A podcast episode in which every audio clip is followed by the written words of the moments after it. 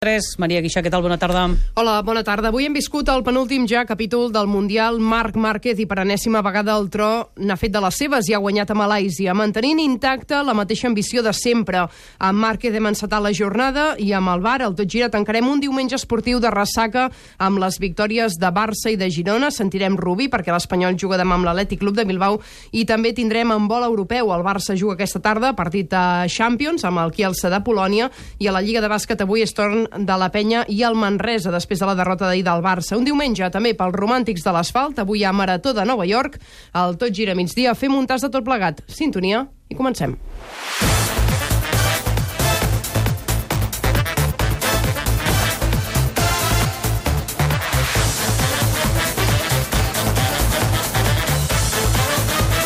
Tot gira a migdia amb Maria Guixà.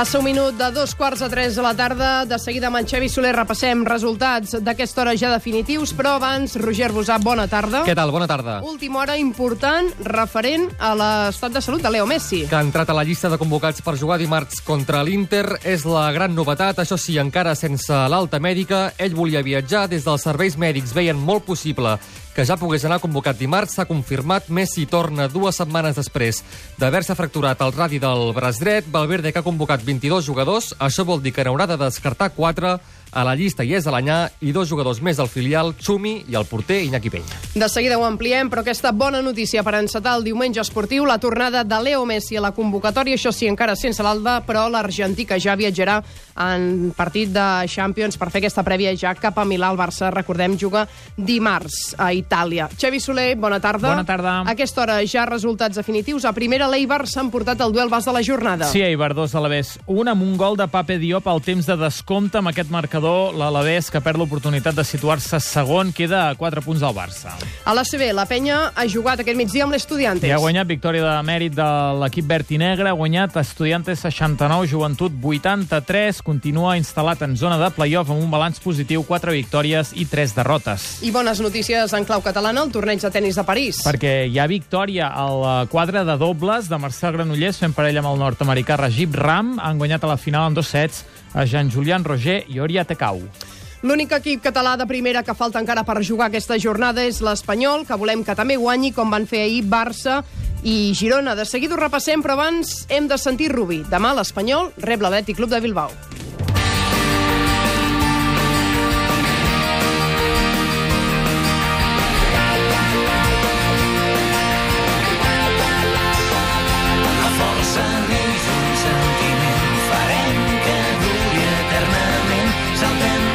L'Espanyol viu un dels moments més dolços dels últims anys, és a la part alta de la taula i ara mateix no està disposat a fer cap mena de concessions. Albert Benet, bona tarda. Bona tarda. Has vist avui un Rubi a la sala de premsa optimista o més aviat rebaixador d'eufòries? Optimista, optimista. Eh, tocant de peus a terra en tot moment, però ambiciós. L'equip vol aconseguir demà la cinquena victòria a Cornellà al Prat. Fins ara quatre partits a casa i quatre victòries. Això ha situat l'Espanyol a la zona alta i Rubi no vol deixar aquesta zona de privilegis, s'hi vol quedar tota la temporada. Vas veient els partits dels nostres rivals i veus el que costa, no? El que costa guanyar el Valladolid, el que costa guanyar el Rayo.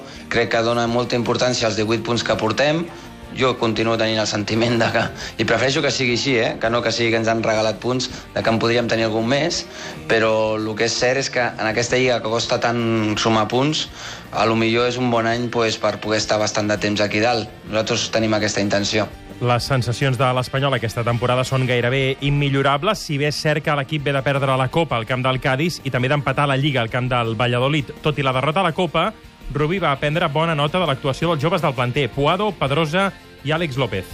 Els jugadors que tenen menys minuts per l'experiència, perquè per l'edat no han pogut tenir més minuts, eh, que van jugar a Càdiz, però ja fer un partit molt complet. Estem orgullosos de que debutessin tres jugadors en competició oficial i ho fessin al nivell que ho van fer. Ara, també és cert que els jugadors que estan jugant a la Lliga no estan posant fàcil l'entrada a l'equip de la resta, però quan es tingui que fer o si s'ha de produir, eh, pues es farà, sense problema.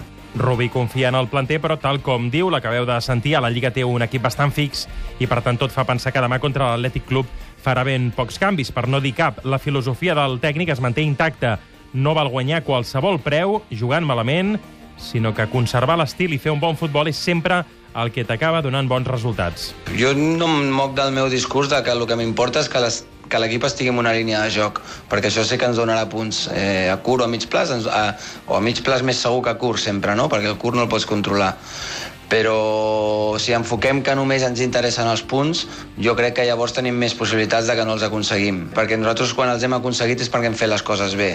Llavors, mm, per mi és important lligar una cosa amb l'altra.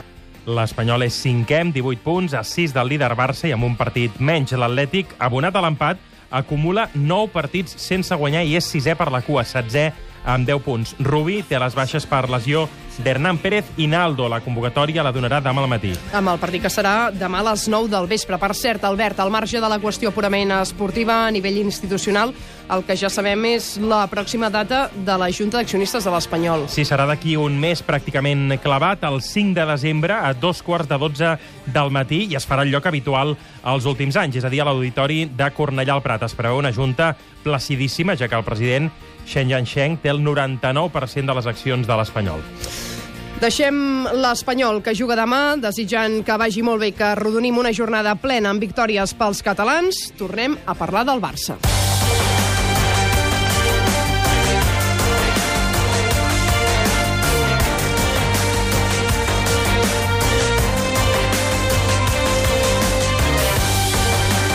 I de seguida recuperem el fil d'aquesta victòria agònica ahir en extremis a Vallecas, però abans, Roger, recuperem també la notícia amb la que obríem aquest informatiu i és molt bona, referent a Leo Messi, és que serà a la llista convocats per jugar a Milà. És la gran novetat, l'equip viatjarà demà a Milà amb Leo Messi. Això sí, l'Argentí encara sense l'alta mèdica. Recordem, insistim, ell volia jugar, tenia ganes de viatjar, des dels serveis mèdics veien molt possible aquest eh, retorn. Es confirma Messi que torna dues setmanes després de lesionar-se al radi del braç dret, de fracturar-se el radi del braç dret. El comunicat Aleshores, deia tres setmanes de baixa, n'hauran estat dues, s'haurà perdut quatre partits, Inter, Madrid, Cultural i ahir contra el Rayo veurem si juga perquè Valverde ha convocat 22 jugadors, entre els quals hi ha Leo Messi, insistim, sense, sense l'alta mèdica, i és a l'anyà també dos jugadors eh, més del filial, Xumi i Iñaki Peña, 22 jugadors, dels quals n'haurà de descartar 4. De fet, ell ja fa dies que s'està entrenant amb dinàmica de grup, no? Parlàvem d'horitzó pensant en l'aturada de seleccions, però vaja, sempre, com és en aquests casos habitual, i a més amb un jugador competitiu com Messi,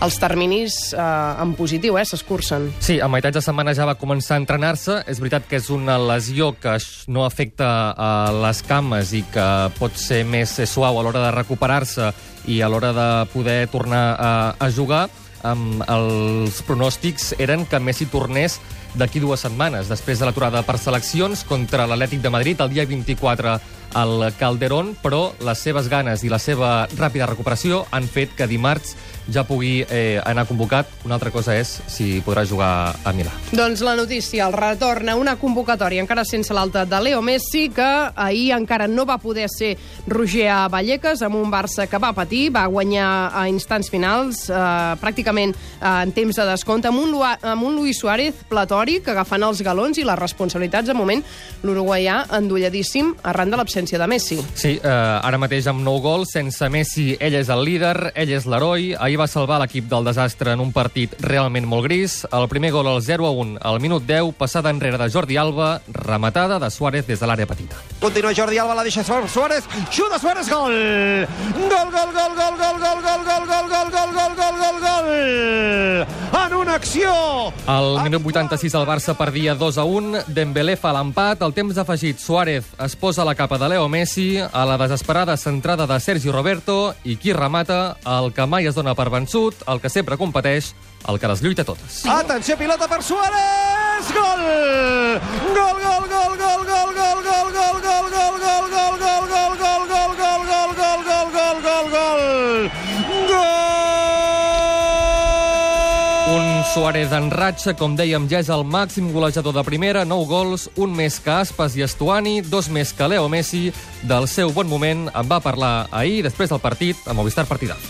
No, bueno, uno trata de ayudar al equipo en hacer lo máximo para, para poder ganar los puntos y bueno, hoy fue una de esas de esa noches el cual salió los dos, los dos goles que, que tuve para ayudar al equipo.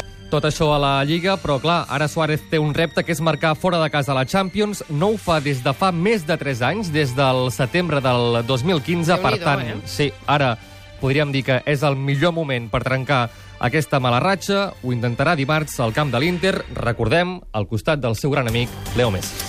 Doncs el Barça, que ara aparca momentàniament la Lliga, que fa aquest parèntesi a la competició domèstica i es posa el xip de la Lliga de Campions. Dimarts, el Barça juga a Milà. Gira tutto intorno alla stanza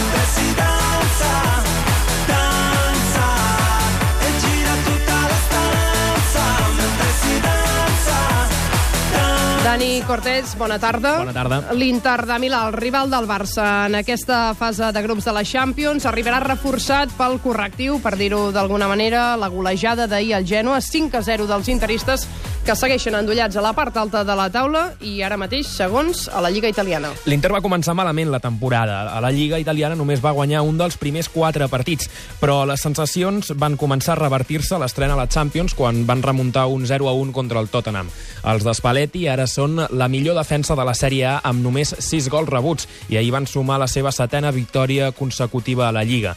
El Barça és l'únic equip contra qui han perdut en els últims 10 partits. Per tenir l'equip a punt per dimarts, Spalletti va fer rotacions ahir i va donar descans a jugadors que tenen opcions de ser titulars contra el Barça.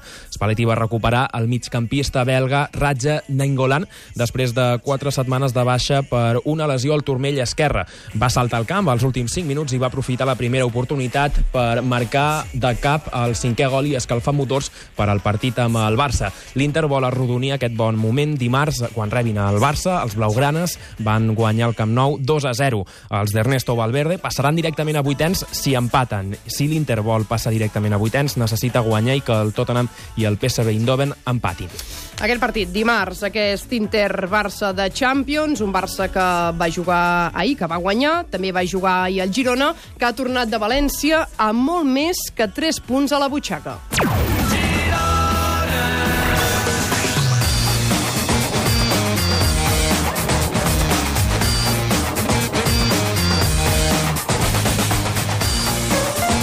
Gairebé sense temps ni d'arribar a Catalunya i tenim ja l'Eduard Solà. Què tal, Eduard?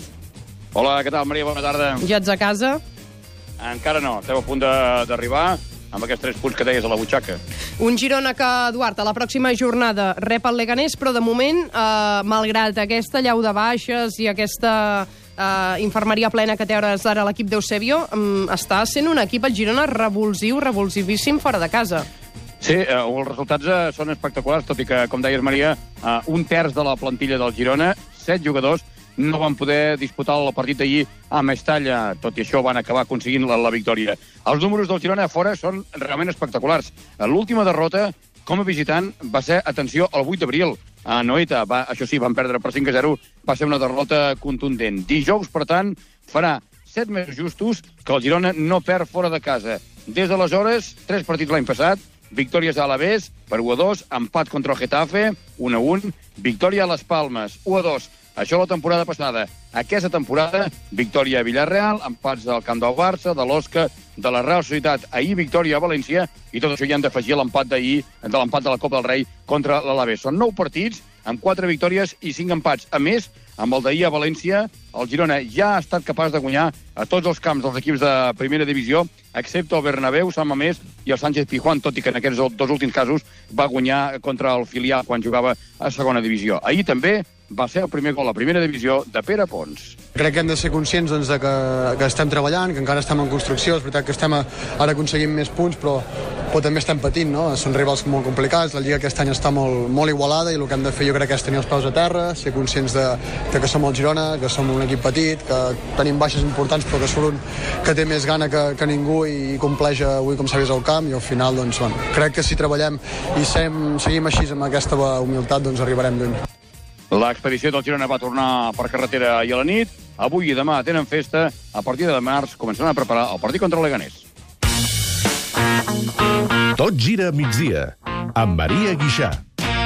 Després de superar el divendres, el divendres, el divendres i el divendres, per fi és divendres. El dia perfecte per descobrir la gamma crossover i sub de fora amb motor EcoBoost i escapar de la rutina. Aquest mes és com si cada dia fos Black Friday. Aprofita el Blue Friday de Ford. Novembre sensiva en vehicles en estoc i en operacions de taller. Finançant amb FCE Bank fins a final de mes. Condicions a Ford.es. Xarxa Ford de Catalunya. Mundo Deportivo t'ofereix la motxilla del Barça. Una motxilla amb un disseny urbà i a la moda perquè puguis portar-la cada dia. Una motxilla completa i còmoda que et podràs endur a la feina quan vagis a fer esport o quan marxis de cap de setmana. Aconsegueix en exclusiva la motxilla del Barça i vés a tot arreu amb l'estil que triomfa. La cartilla dissabte 3 i diumenge 4 de novembre només a Mundo Deportivo. I no oblidis, no preocupis si és dilluns, dimarts, dimecres, perquè a Ford, per qualsevol operació de manteniment, et deixem un Ford Kuga de substitució sense cost. Condicions a Ford.es. Xarxa Ford de Catalunya. Viu en directe el partit Espanyol-Bilbao el 5 de novembre. Vine a animar l'equip, diverteix-te, crida i emociona't amb un record que serà per sempre. Compra l'entrada des de 30 euros al web rcdespanyol.com. No et perdis el crit de la nostra gespa. Vine a l'Espanyol Bilbao el 5 de novembre. T'hi esperem.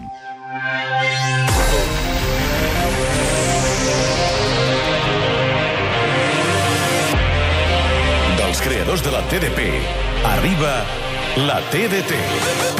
Aquest dimarts a partir de les 8, la TDT de l'Inter de Milà a Barça a Catalunya Ràdio. La TDT, la transmissió d'en Torquemada. La narració del partit és una exclusiva de la Caixa. La Caixa dona suport a l'esport. CaixaBank gestiona els plans de pensions dels clients de manera sostenible pel medi ambient i la societat. Per això ha obtingut la màxima qualificació que atorguen els principis d'inversió responsable de les Nacions Unides. Oferir plans de pensions responsables ens fa diferents. CaixaBank. Banca socialment responsable. Tot gira a migdia amb Maria Guixà. Passen dos minuts a tres quarts de tres a la tarda. El Mundial de Motociclisme, que ja entra a la recta final, ja només queda una sola cursa per disputar-se, és la de València. Moment ara de marxar fins a Malàisia.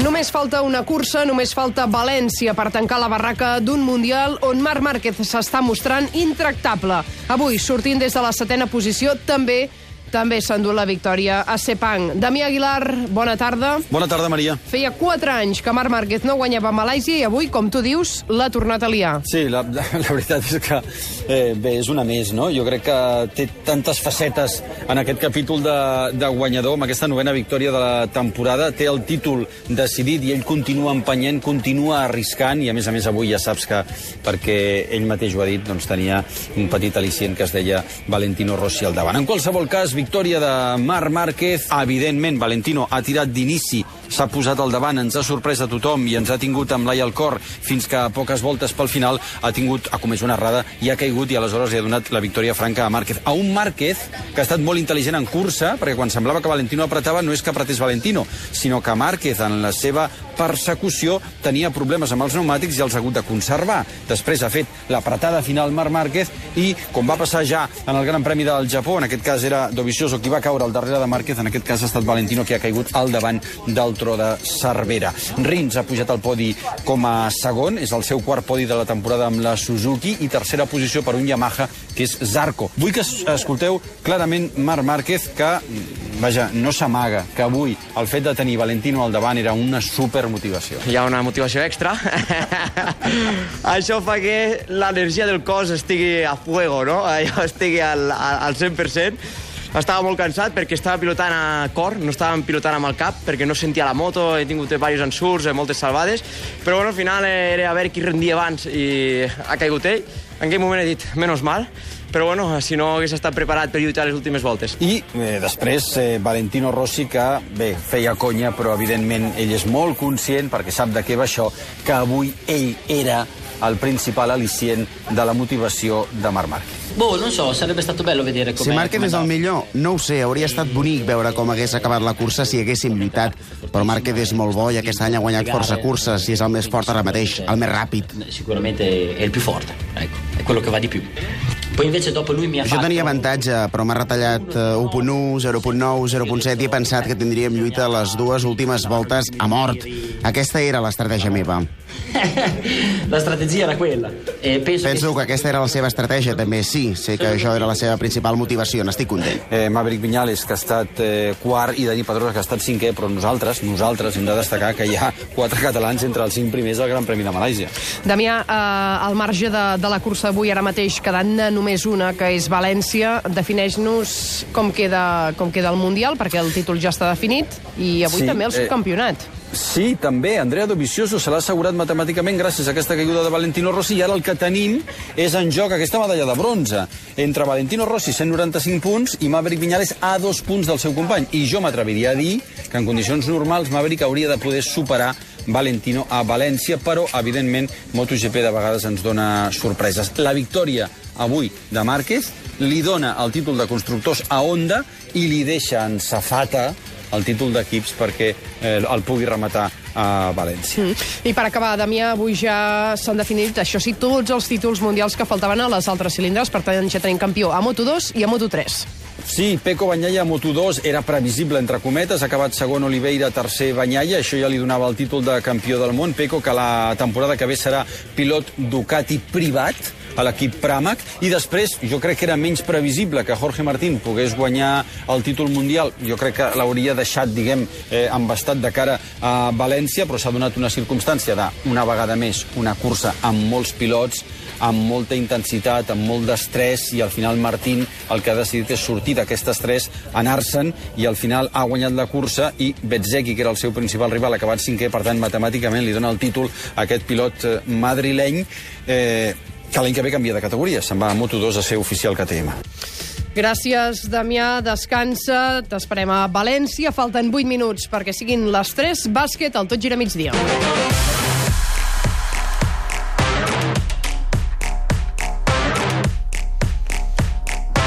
Bones notícies, Xevi, les que ens arribaven de Madrid. Ens ho has explicat a l'inici. Victòria de la penya a la pista de l'Estudiantes. Sí, com diem, una victòria de mèrit de 14 punts al final, 69-83. Potser el marcador una mica enganyós. El partit ha estat molt igualat en els tres primers quarts. En l'últim sí que l'avantatge de la penya ha fet que en l'intent de recuperar a la desesperada de l'Estudiantes l'equip verd i negre agafés aquest avantatge final de 14 punts. Amb aquesta victòria, la penya es consolida en posicions de playoff. Ara mateix té un balanç positiu, victòries-derrotes, 4 partits guanyats, 3 partits perduts, en sisena posició provisional, això sí, encara falten alguns partits per jugar-se. Un joventut que avui ha tingut en Nicola Provítola, com gairebé sempre, el seu home més destacat, 25 punts, 8 assistències, molt bon partit també de l'israelià Sean Dawson, amb 18 punts, alguns dels punts en les zones més calentes del partit, i també bona actuació, sobretot defensiva, dels dos pivots, Luke Harangodi i Marko Todorovic,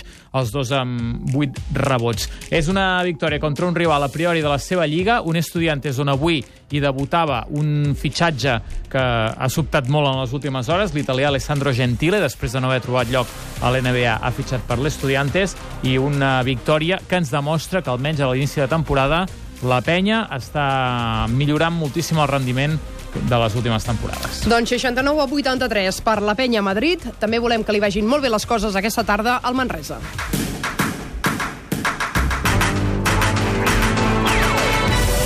Oriol Rodríguez, bona tarda. Bona tarda. El Baxi Manresa que rep el Gran Canària d'aquí a poca estona, a les 5. Tu seràs en aquest partit amb l'objectiu, els del Bages, d'assolir el primer triomf a casa. I amb una bona notícia com és la recuperació de Justin Dolman, que avui ja podria reaparèixer, un Manresa però que encara té les baixes d'Àguila i Lukovic. En parla Joan Penyarroia, tècnic del conjunt del Bages. si no estem sòlids amb els nostres atacs i deixem que ens eh, eh, recuperin pilotes que també són dels millors de la competició eh, al marge de la capacitat que tenen ells per córrer pues, si els donem totes aquestes diguem les opcions de, de córrer millor pues, ho tindrem difícil no? però dos equips que intentem jugar mm, a un bàsquet molt similar i el que estigui més ficat i el que eh, pues aconsegueixi més eh, que les seves virtuts eh, floreixin el partit tindrà més opcions. Avui serà també un partit de retrobaments. D'una banda, Albert Oliver, Marcos Ericsson i Salva Maldonado tornen a Manresa, ara amb els Canaris, mentre que Ryan Tulson ara a Manresa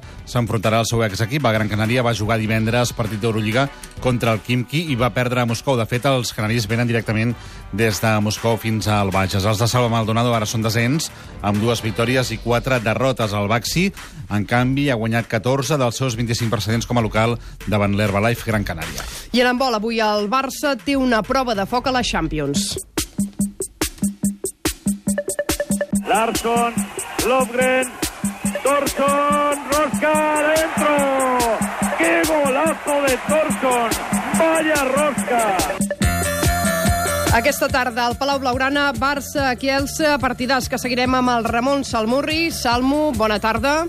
Hola, Maria, què tal? Bona tarda. El Barça, que rep un equip, eh, un equipàs, el Kielsa de Polònia, que arriba disposat a plantar cara a un equip al Blaugrana que de moment està sent l'equip més golejador d'Europa.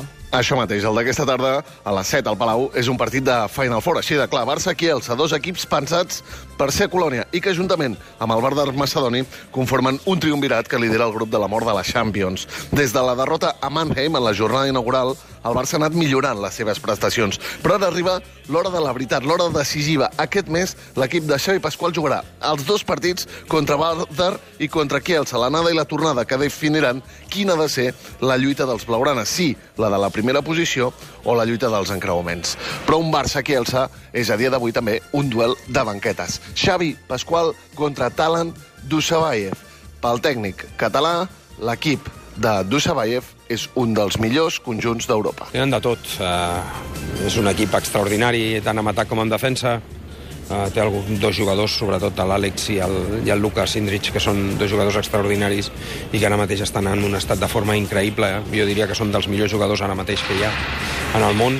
És un equip per guanyar, que està fet per guanyar la Champions. Xavi Pasqual ha descartat Gilberto Duarte. Entra al seu lloc a la convocatòria el polonès Kamil Sipzak per enfrontar els Dusabayev i Luka Cindric, l'home que fa dos anys va eliminar el Barça de la semifinal de Colònia amb un gol a l'últim segon. I avui també tornarem a emocionar-nos i molt amb Frank Sinatra.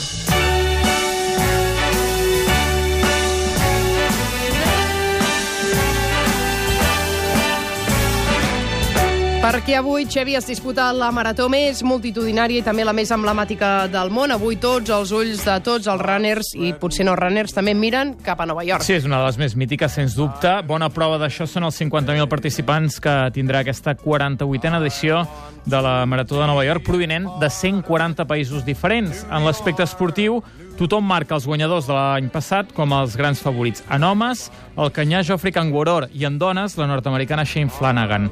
En categoria masculina, Canguoror, de només 25 anys, ens estem acostumant a maratonians molt joves en els últims anys, aspirarà a guanyar la segona marató consecutiva, un fet que només ha passat 6 cops en els 48 anys d'història de la prova. Canguoror, que entrena habitualment amb el plusmarquista mundial Eliud Kipchoge, tindrà com a rivals els etíops l'Elisa de Sissa i Shura Kitata, aquest de 22 anys, imagineu-vos també la joventut mm. d'ell, o el veterà nord-americà Abdi Abdirrahman, aquest de 41 anys.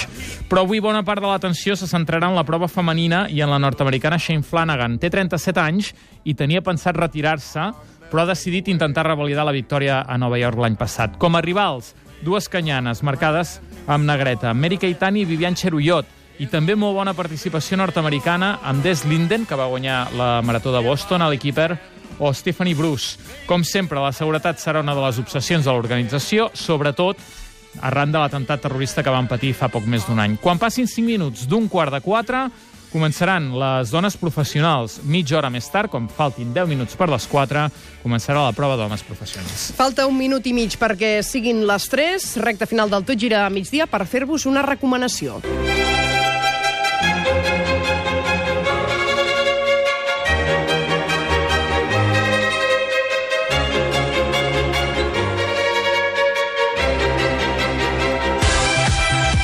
Perquè aquesta tarda passarà pel Tot Gira una de les millors esportistes catalanes de la història en matèria de neu. Dani, aquesta tarda, Caral Castellet pel Tot Gira. Caral té 29 anys, és de Sabadell i és especialista en surf de neu en la modalitat de mig tub. Va ser subcampiona del món d'aquesta especialitat l'any 2015 i ha participat a quatre Jocs Olímpics. Va ser 26a a Turí 2006, 12a a Vancouver 2010, 11a a Sochi 2014 i 7a a Pyeongchang 2018. Escolta'm, Caral, eh, hi ha una cosa que em, que em genera una curiositat enorme. Sí. Eh, és que m'han dit que ets fredolica, tu. I això em sembla increïble. Tens fred? Bueno, suposo que és algo Com que no, possible, no ho pensava escolleixo, que- no? Sí, bueno, he millorat, eh?